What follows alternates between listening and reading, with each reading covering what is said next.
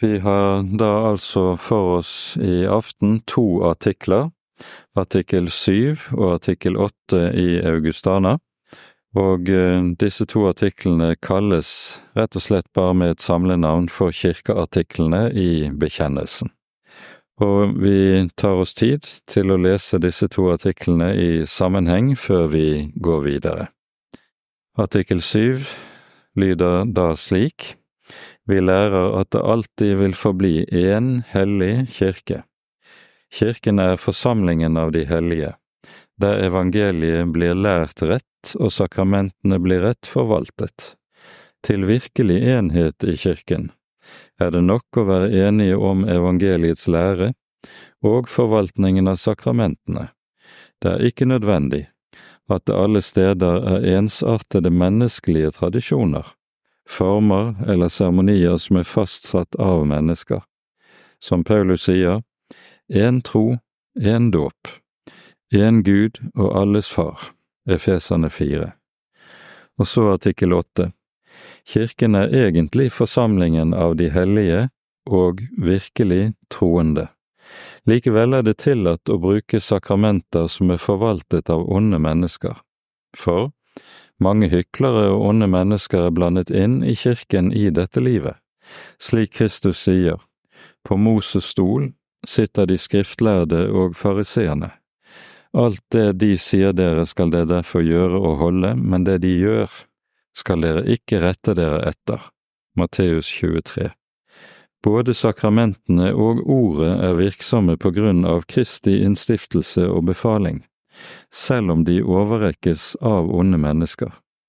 Vi forkaster dem som vi forkaster donatistene og dem som nekter at det er tillatt å bruke de ondes tjeneste i kirken, og mener at onde menneskers tjeneste er unyttig og uten virkning.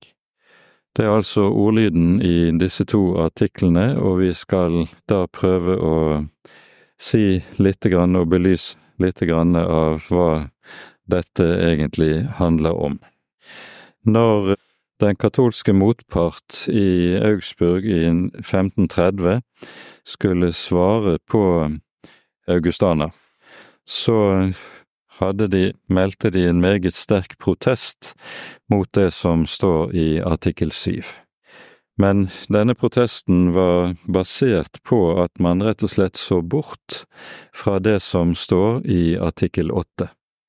Og derfor er det også slik at når Melankton skriver apologien for Augustana og tar opp til behandling i artikkel syv, så sier han innledningsvis at det hadde egentlig vært nok bare å vise til artikkel åtte. For det som den katolske motparten protesterer på, er at kirken er forsamlingen av de hellige og at dette er en kirkedefinisjon som eh, ser bort fra det som står i artikkel åtte. Det artikkel åtte handler om, når det sies at på slutten vi forkaster donatistene, så viser det tilbake til en kamp som en gjennomlevet på slutten av 300-tallet i Oldkirken. Da var det en presbyter som het Donatus, som hevdet at dersom en prest var en hykler, da hadde han ikke Den hellige ånd, og da ville hans forkynnelse og sakramentsforvaltning være uten ånden, og det ville da igjen ha til følge at både dåpen og sakramentene var virkningsløse. Derfor hevdet, gikk Donatus så langt som å hevde at dersom det ble klart at noen var døpt av en som ikke var sant og rett troende, så skulle han døpes om igjen. Når denne læren avvises i Oldkirken, så avvises den av flere grunner. For det første sjelesørgerisk. For det er ingen av oss gitt å vite om den som står for forkynnelsen i menigheten og står for sakramentsforvaltningen, om han har en sann og levende tro, eller om han i all hemmelighet har falt og er kommet bort fra troen og livet, og hans tjeneste dermed bare et ytre skall.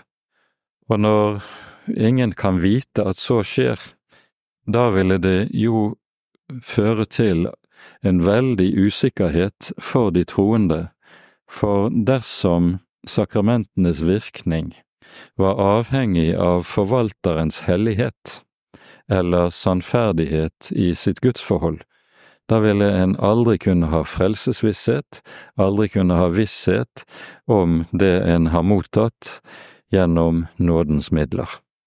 Så dette sjelesørgeriske poenget er helt avgjørende i avvisningen av donatismen.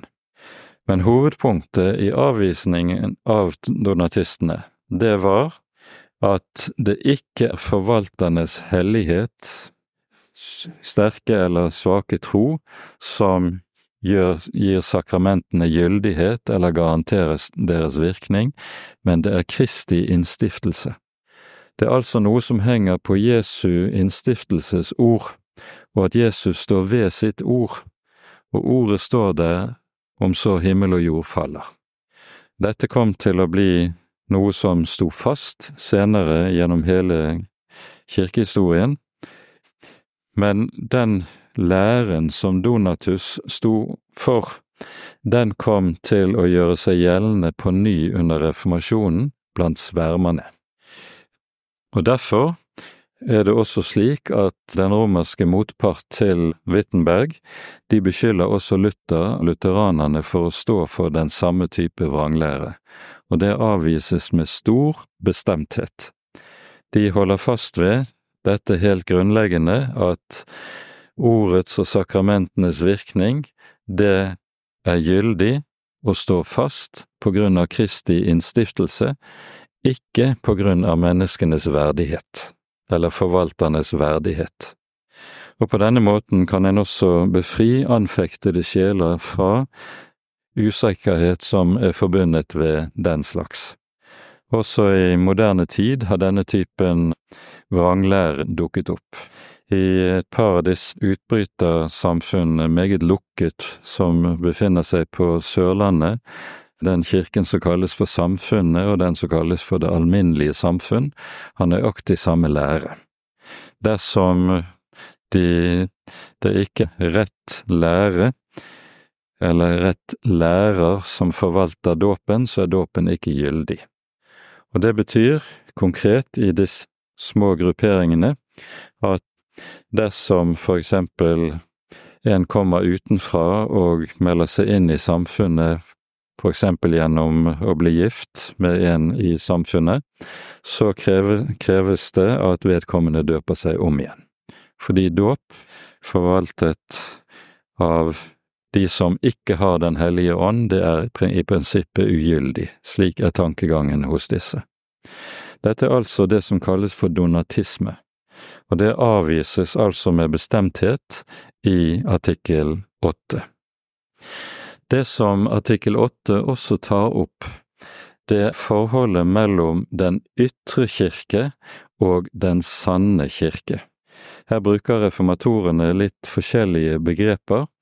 Det, de begrepene, eller det ordparet som ofte har vært vanlig å benytte hos oss, nemlig forskjellen mellom den synlige og den usynlige kirke, det er begreper som ikke anvendes av reformatorene. Og grunnen den at den sanne kirke, den kommer til syne der hvor nådens midler forvaltes. Og nådens midler er ikke usynlige. De er i høy grad synlige, det er noe du både kan høre, se, ta og føle på. Og derfor er den sanne kirke der hvor nådens midler anvendes slik som Herren har sagt det i sin befaling.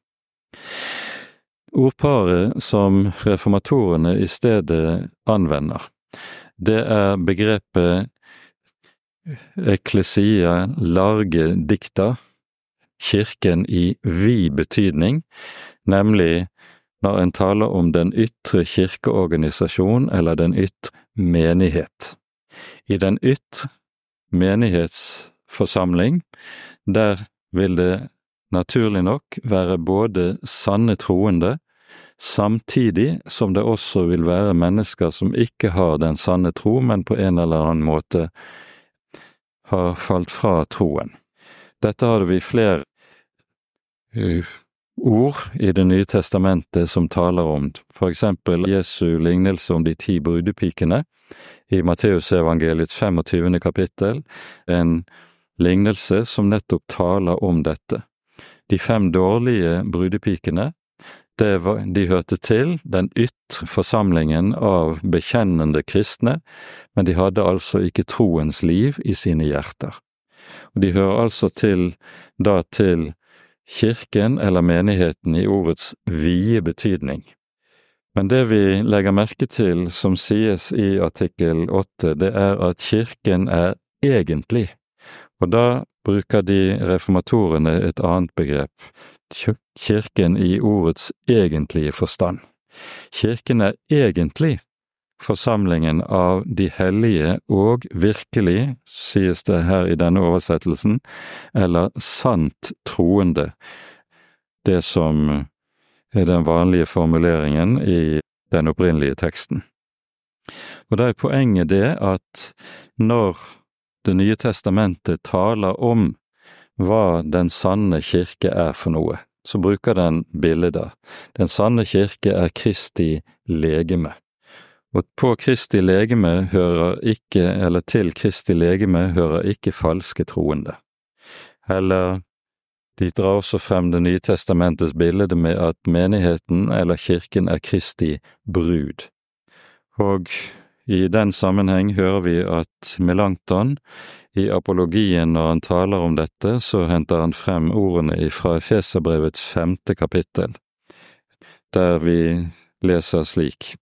Dere menn, elsk deres hustruer like som også Kristus elsket menigheten og ga seg selv for den, for å hellige den, ved å rense den ved vannbadet i ordet, slik at han kunne stille menigheten frem for seg i herlighet, uten flekk eller rynke eller noe slikt, men at den kunne være hellig og ulastelig og dette sies i en sammenheng der forholdet mellom Kristus og hans menighet sammenlignes med forholdet mellom mann og hustru i ekteskapet, brud og brudgom. Og de som da er helliget som hellige og ulastelige, som det står her, det er naturlig nok det som artikkel åtte peker på her, det er de som sant troende. Det er poenget i dette. Og derfor er det altså slik at det som artikkel syv taler om, det er det som er kirken i ordets egentlige betydning.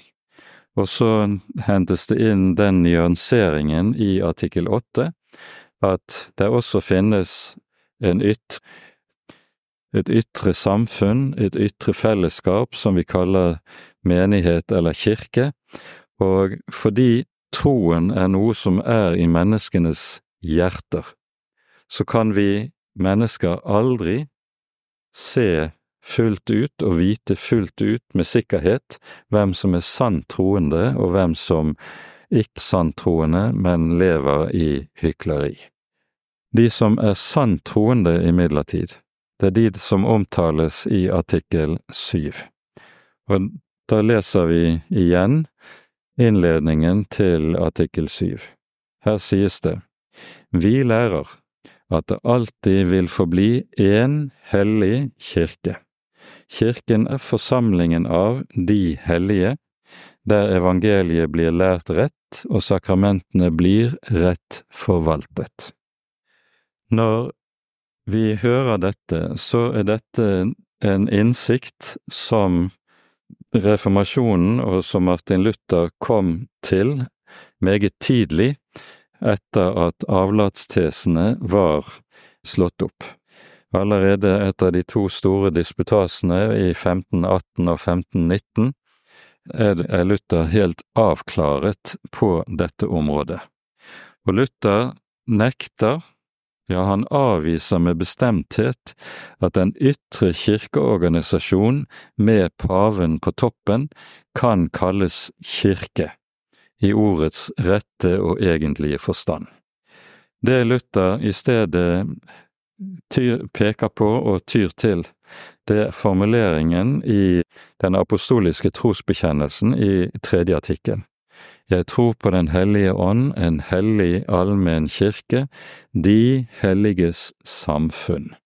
Og der poenget, slik Luther forstår trosbekjennelsen, det er at begrepet De hellige samfunn står i trosartikkelen for å si tydelig og klart hva som menes med ordet hellig allmenn kirke.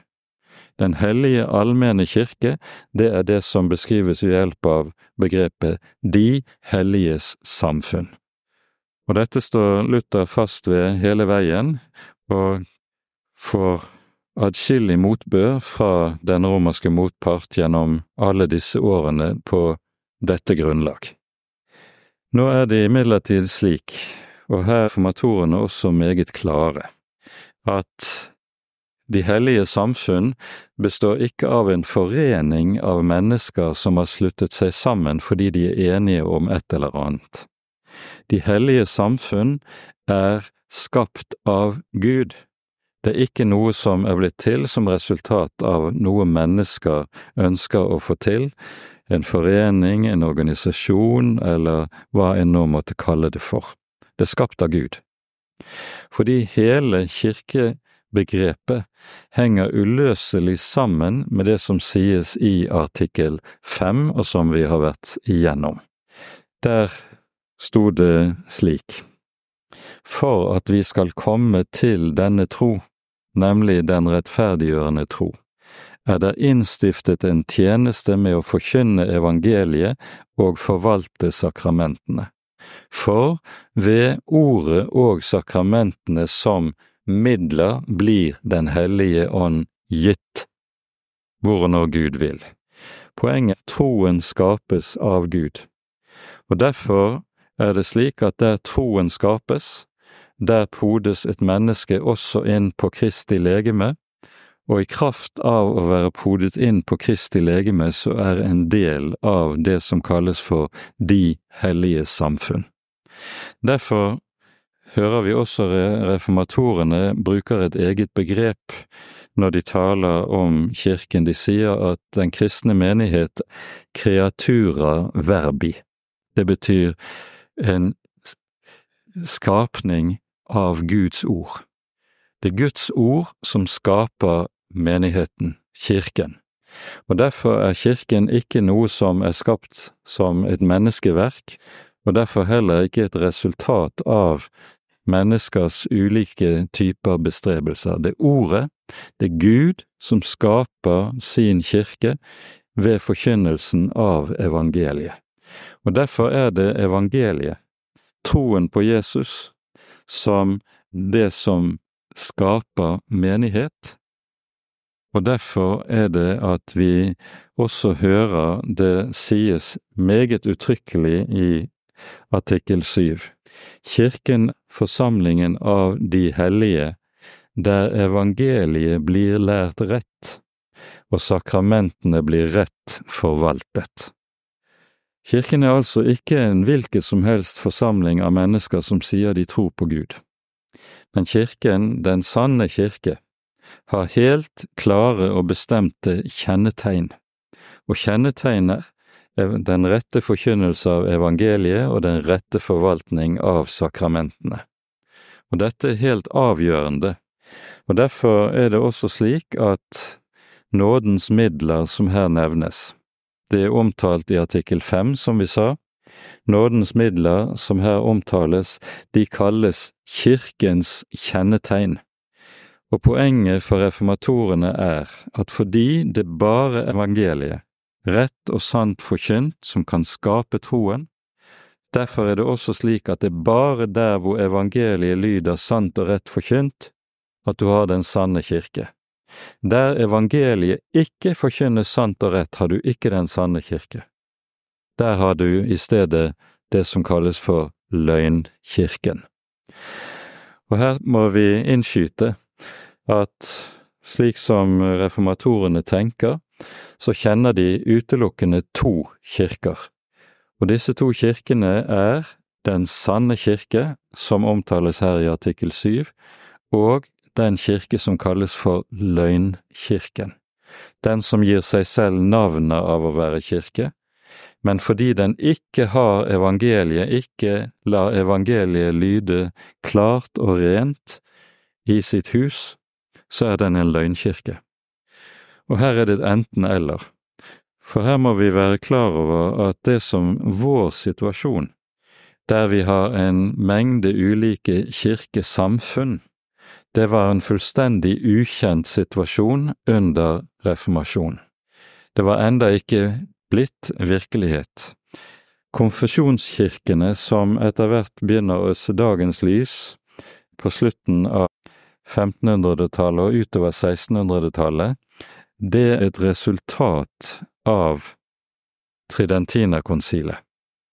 Tridentinerkonsilet, som var det konsilium som Romerkirken sammenkalte etter Luthers død for å, å stanse reformasjonsverket i Tyskland og ellers i Europa. De gjør den katolske kirke til en konfesjonskirke i motsetning til de reformatoriske kirkene. Og så skal vi legge merke til at det her, når artikkel syv innledes sånn som vi hører, vi lærer at det ba alltid vil forbli én hellig kirke. Så sies det med dette at reformatorene mener, som kirken alltid hadde lært, helt fra oldkirken av, at det finnes bare én kirke. Una sancta, som man gjerne kaller det på latin. Det finnes bare én sann kirke, for Herre Jesus Kristus har bare én brud. Han har bare ett legeme. Der er bare én sann kirke. Denne kirke består av, altså, de som eier troen på evangeliet og ved evangeliet er føyet sammen med alle andre som har den samme tro. Det er den sanne kirke. Og denne sanne kirke, den fastholder reformatorene, den finnes ikke kun innenfor lutherdommen. Det finnes sanne troende også i den romerske kirke, medgis det. Det finnes sanne troende også i Genéve i den reformerte kirke. Det, for det som gjør, gir et menneske del i frelsen, det er troen på evangeliet om Jesus, nemlig at han led døden for mine synder, og at jeg for hans skyld, ikke av noen som helst annen grunn, men for hans skyld er jeg Guds barn. Denne tro, den finnes i alle de ulike grupperinger som vi kaller for kirkesamfunn, og disse troene utgjør sammen den ene hellige kirke, som det her er tale om i artikkel syv i Augustana. Oppsplittingen i konfesjonskirker og kirkesamfunn sånn som vi kjenner det, det er altså noe som kommer til å se dagens lys utover på mot slutten av 1500-tallet og videre utover på 1600-tallet, men var ukjent fortsatt da Augustana ble skrevet. Og slik reformatorene tenker, så representerer de med sin evangelieforkynnelse nettopp den ene sanne kirke. For det som sies i den nikenske trosbekjennelsen, den er noe mer utvidet i, i forhold til den apostoliske trosbekjennelsen. Der sies det vi tror på én hellig, allmenn og apostolisk kirke. Det brukes fire begreper. Én, som understrekes her i artikkel syv, hellig, det understrekes også her i Augustana, og så sies det allmenn. Og grunntekstens ord både på gresk og latin er her katolsk. Ordet katolsk er i våre trosbekjennelser oversatt til allmenn og reformatorene insisterer på at de, deres tro er den katolske tro, det vil si den alminnelige kristne tro, som har vært det som har båret den kristne kirke helt fra apostlenes dager. Og Derfor er det også slik at reformatorene avviser at den romerske kirke er en sann katolsk kirke. Altså den kirken som kaller seg selv for den katolske kirke. Der sier reformatorene, de avviser meget bestemt at denne kirke er ikke en katolsk kirke. Hvorfor? Fordi den i sin lære bryter med apostlenes lære og forkynnelse, og har kommet opp med en rekke nye sannheter som Den nye testamentet ikke kjenner, som apostlene overhodet ikke kjen, verken kjente eller forkynte. Den katolske kirke er ikke katolsk fordi den har funnet på en masse nyheter som er lagt til, og som går langt utover det som er sagt oss og gitt oss i de hellige skrifter. Dette kan høres noe paradoksalt ut, sånn som situasjonen er. Vi er jo vant til å kalle den romerske kirke for den katolske kirke, men reformatorene insisterer altså på at det er de, den lutherske reformasjonen, som representerer det som er den sanne katolske kirke, mens romerkirken altså ikke er det.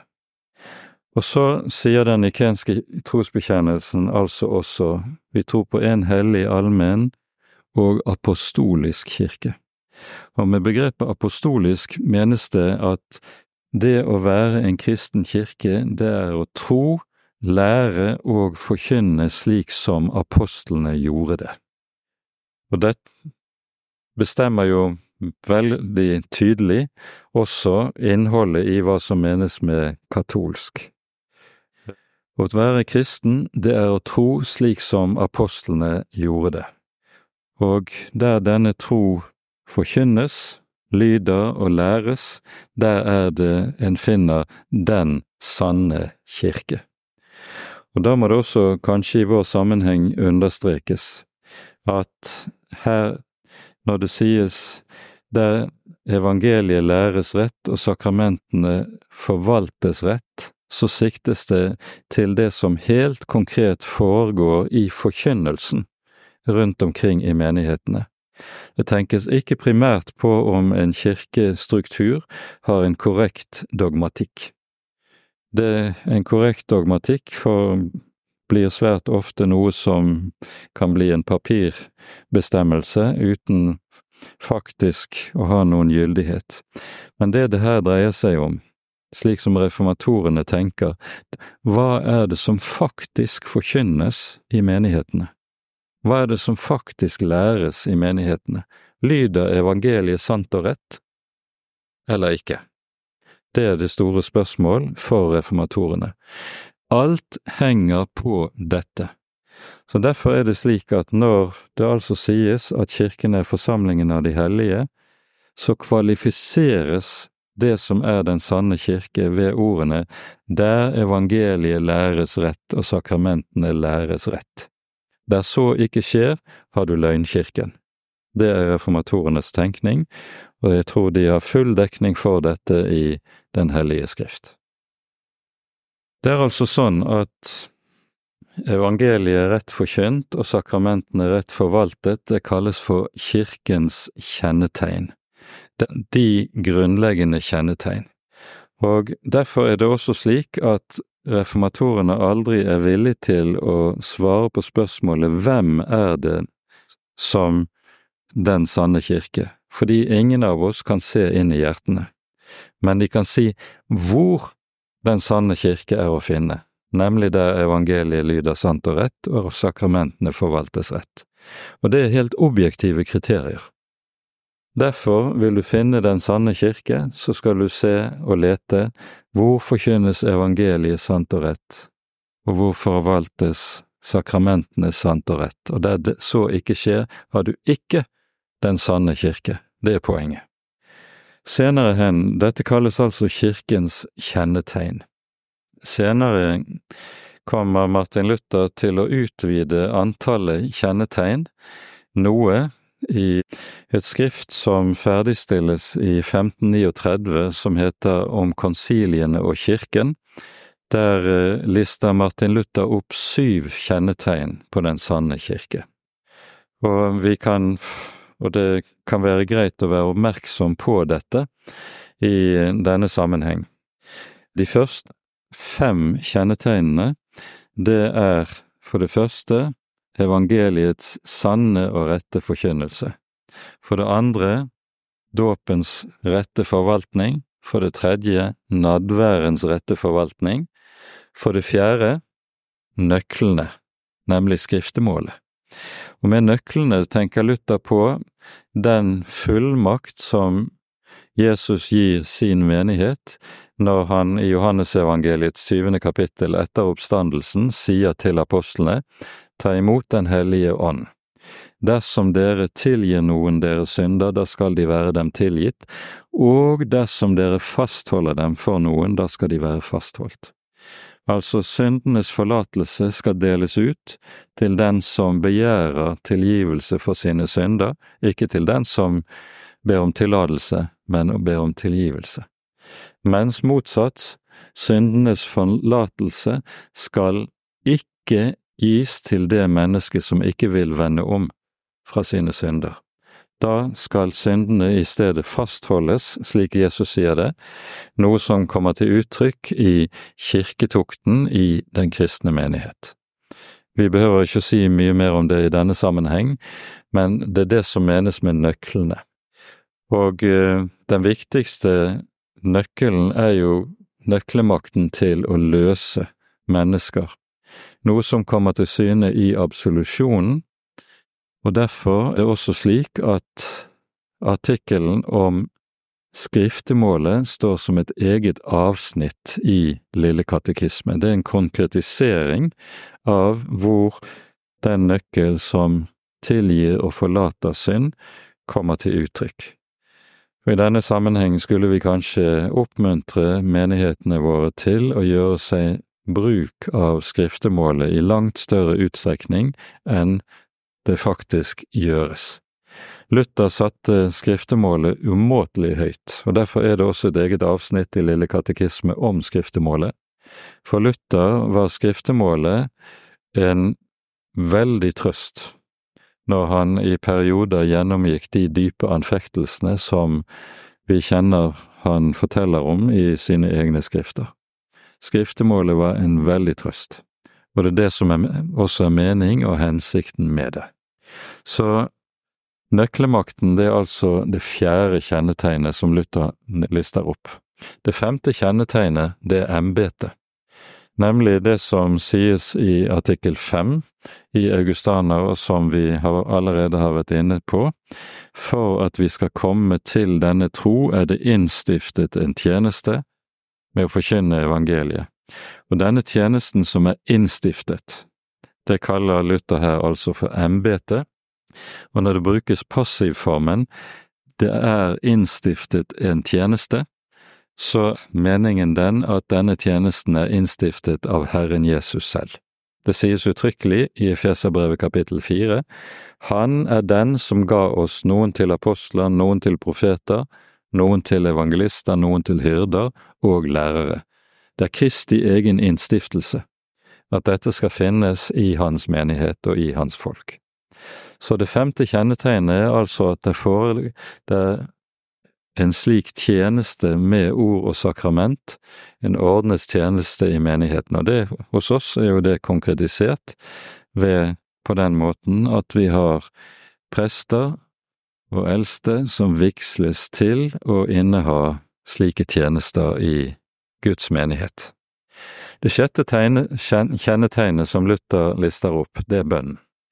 Og når han taler om bønnen i eh, denne sammenheng, tenker han ikke på den personlige eller private bønn, men han tenker på den felles bønn som menigheten går inn i når den samles til gudstjeneste, og han mener rett og slett med bønnen den offentlige gudstjenesten.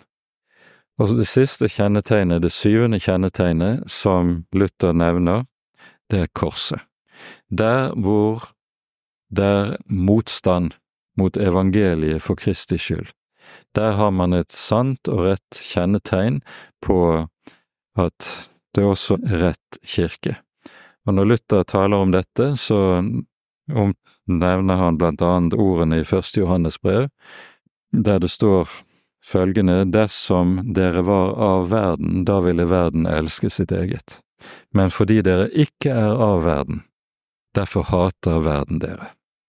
Dette er tankegangen med de syv kjennetegnene som Luther senere kommer til å liste opp. Men bekjennelsen nøyer seg altså med dette som vi hører her i artikkel syv, nådens midler. I våre dager så har artikkel syv i meget stor utstrekning vært misbrukt.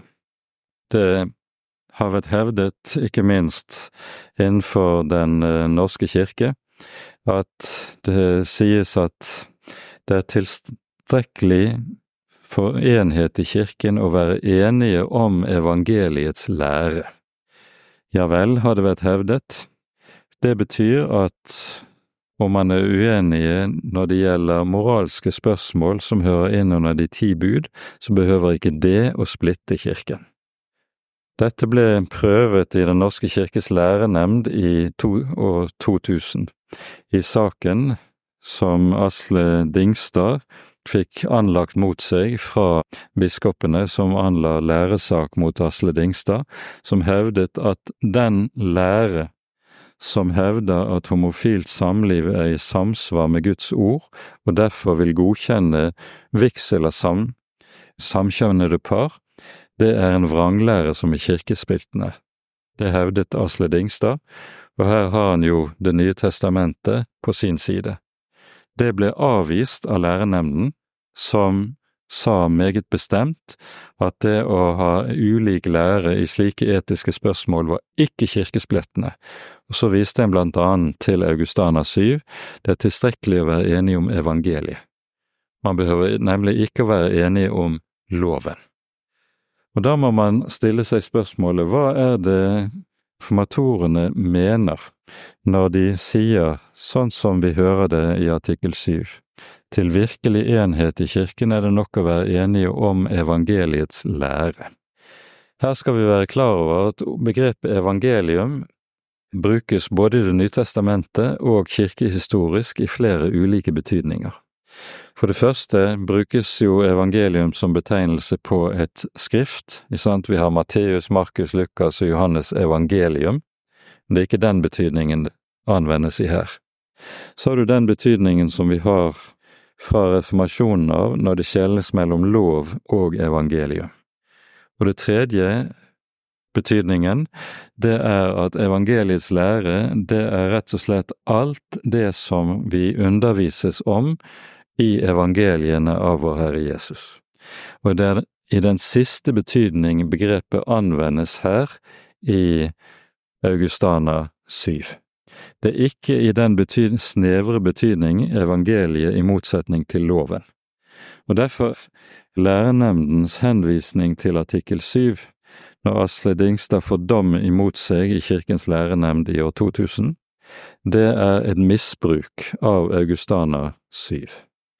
Evangeliets lære, det omfatter alt det som evangeliene legger frem for oss som Jesu Kristi undervisning, og omfatter derfor både lov og evangelium i, dets, i disse to begrepenes mer snevre betydning.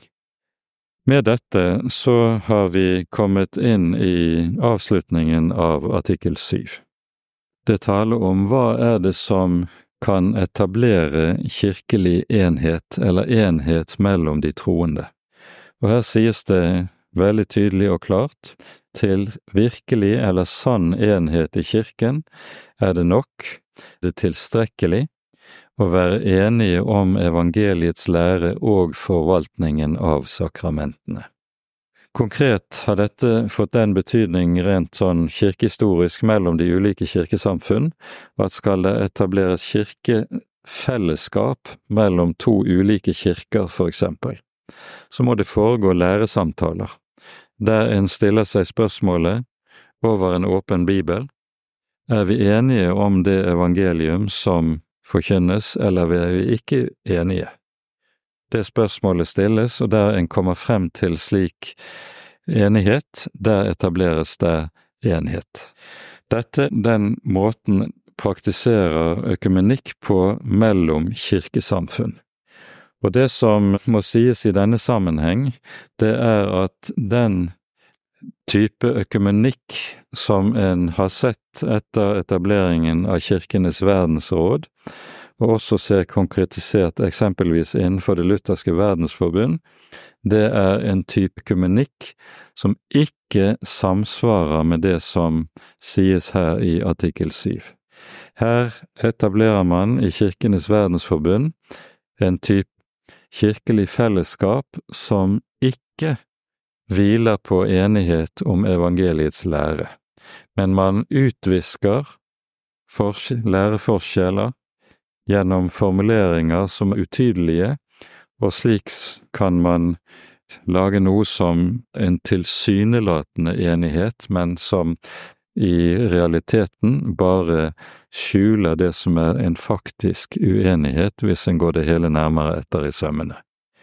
Et typisk uttrykk for dette, for eksempel det som skjedde i 1998, da Det lutherske verdensforbund undertegnet enhetserklæringen med Rom, med Vatikanet, om læren om rettferdiggjørelsen. Her gjør man dette på det vis at man tømmer de ulike teologiske begreper for et tydelig læremessig innhold, slik at det etableres en tilsynelatende enighet. Men går du det etter i sømmene, så er hele et rent spill. Det har aldri vært, og det har, er fortsatt ingen reell enhet mellom den lutherske og den romerske kirke om rettferdiggjørelseslæren. Et rent maskepi når en har hevdet dette. Poenget er at det skal være en enighet om evangeliets lære, og da må en ta for seg hva er det en lærer på de ulike områder, og for oss som lutherske kirke, det avgjørende at det, forståelsen av det vi har i bekjennelsen i Augustana, det ligger som noe av et hovedfundament. Her defineres tydelig og klart hva det er som uoppgivelig for oss, som evangelisk-lutherske kristne. Så sies det til slutt i artikkel syv, det er ikke nødvendig at det alle steder er ensartede menneskelige tradisjoner, former eller seremonier som fastsatt av mennesker. Og med det pekes det på det som vi kaller for adiafora. Og det det siktes til her, det er blant annet liturgi. I Det nye testamentet finner vi ingen befaling om hvorledes en, et kristent møte, en kristen gudstjeneste, skal foregå. Og fordi det ikke foreligger noen konkret og tydelig befaling om hvordan et kristent møte skal foregå, så ligger det under den kristne frihet at dette kan en legge opp på ulike vis, alt ettersom en finner det tjenlig, og alt ettersom en har lys i Guds ord. Det avgjørende er bare at alt det som skjer, det må være slik i sin karakter at det ikke strider mot noe i Guds ord. For øvrig er det frihet. Og det betyr at i prinsippet så et bedehusmøte, det kan like godt være et luthersk, evangelisk-luthersk møte som en gudstjeneste som vi har i kirken hos oss. Selve denne møteform er i seg selv et adiafon, og det står de ulike kirker fritt hvordan de vil organisere sine liturgier. Dette er også viktig å være oppmerksom på. Når vi likevel har en hos oss en ordnet liturgisk gudstjeneste, så har dette bestemt historiske grunner. Det er nemlig slik at den liturgiske gudstjenesteform vi har, den går helt tilbake til oldkirken, og en kan spore denne slags gudstjenester meget langt tilbake, og forbildet for den liturgiske gudstjenesten, det har vi i at den eldste kristne gudstjenesten, den hadde sitt utspring i synagogens gudstjeneste. Den eldste kristne gudstjenesten ble utformet etter mønster av synagogens gudstjeneste. Og den var liturgisk. En bar Salmenes bok, en bar bønner formulert ut fra ulike skriftord i Den hellige, den hellige skrift, og så videre, og på denne måten hadde en faste ordninger og et liturgisk gudstjenesteliv, med dertil hørende faste tekstlesninger, for eksempel, og så videre. Og det er dette forbildet Den kristne kirke har fulgt helt fra apostlenes dager. Det at man har et ikke-liturgisk gudstjenesteliv og en ikke-liturgisk møteform, det er historisk sett en nyhet. Det er noe som oppsto først i reformasjonsårhundret, for det første blant svermerne og dernest i Genéve, blant de reformerte kirkene.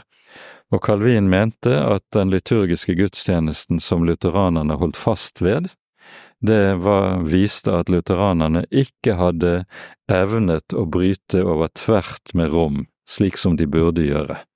De så på Calvin, så på den liturgiske gudstjenestenformen som Luther fastholdt, meget bestemt. Så, Calvin så på dette som at Luther ikke hadde evnet å frigjøre seg ordentlig fra Rom.